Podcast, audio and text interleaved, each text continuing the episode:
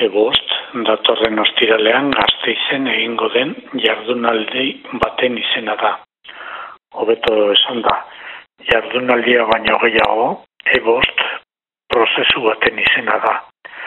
Azken bi urtea lantzen ari den dinamika bat. Eta zer esan nahi du ebost izenak? Bada izena bost hitzen lehen izkiekin osatua da onako hauekin hain zuzen. Bat, Euskararen, bi, etorkizuneko, hiru eszenarioak, lau, elkarrekin, bost, eraikitzen. Dena segidan esan da, Euskararen etorkizuneko eszenarioak elkarrekin eraikitzen. Hori da, Eusko ikaskuntzak, abiatu zuen ebost proiektua. Horrekin, euskalgintzaren etorkizuna bizpentsatzen eta birdesinatzen hasi nahi da. Lanketaren jomuga beraz, ez da euskararen egoera, baizik eta hizkuntza komunitateak euskararen dituen baliabideak zein diren aztertzea, eta horiek nola indartu eta zabaldu sistematikoki pentsatzea. Izan ere, hizkuntza baten etorkizuna bere komunitateak diseinatu behar du. Horretarako beharrezkoaren diren baliabideak sortuz, edo sortuz, edatuz eta sendotuz.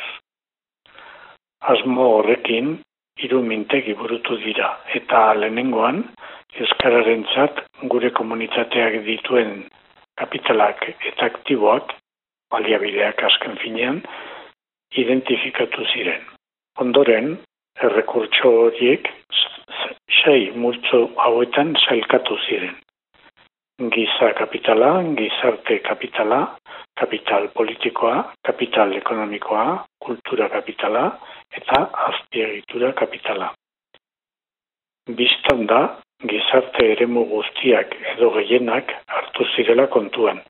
Izan ere, osasuntzu irauteko asmoa duen hizkuntzak lantegietan zein zineman politika gintzan eta ikerkuntzan kultur gintzan edo edabideetan, hau da, gizartearen alor guztietan presente eta indartsu egon beharra dauka.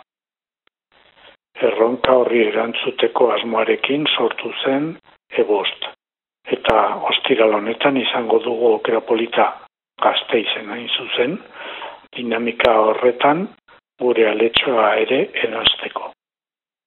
Iñaki Martínez de Luna, Araba Izpide, Saierako.